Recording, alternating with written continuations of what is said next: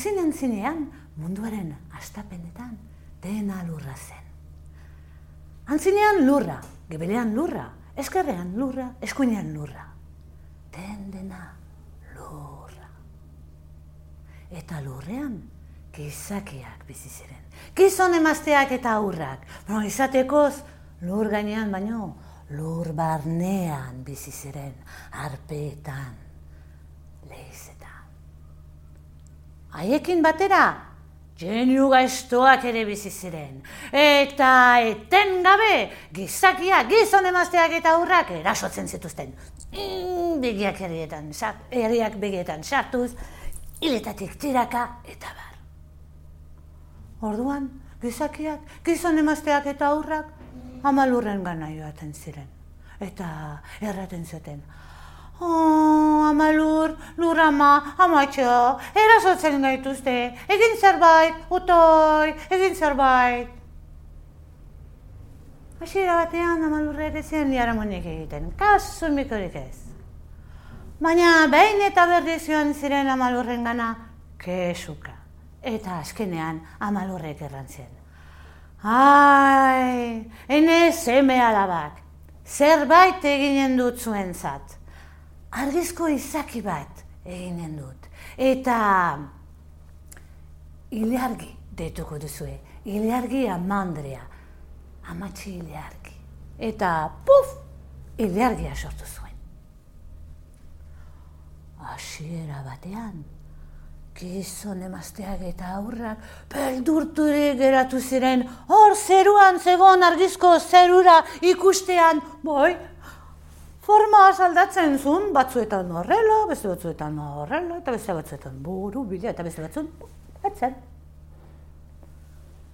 Eta genu estoak ere, izutu ziren, eta lehitzen barne, barne, barne, barnera sartu ziren arpetatik begira, azkenean gizakiak ohitu ziren. Eta berriz ateratzen hasi ziren. Hor zeruan, iliargi amandria zen.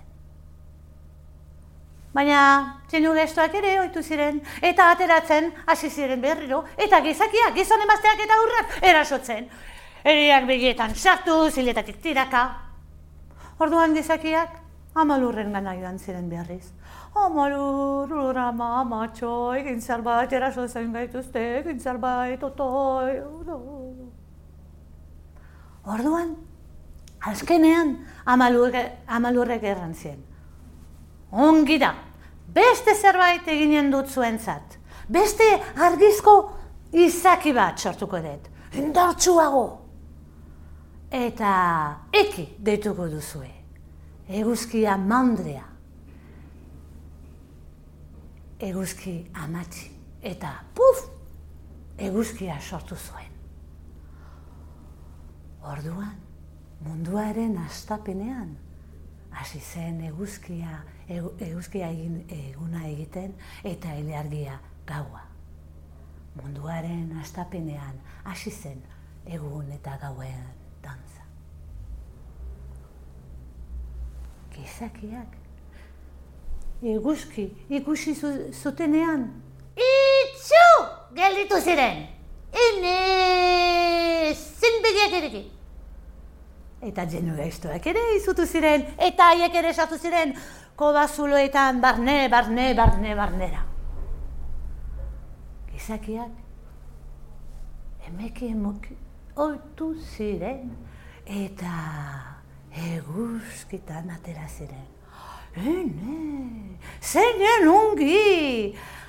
Ai, eguzkiarekin batera, argia eta beroa ere. Etorri zen, eta beroa eta argiarekin lurra biziz bete zen. Belarra, zuaitzak, animaliak, batzuk eder ederrak eta beste batzuk goxo goxoak. Ai, zeinen ongi, hori guzkipean, hola. Horen dikan oitura hori, batzuk garaitzen dute, bai, bai, batez ere, udan ondartzan. Oh.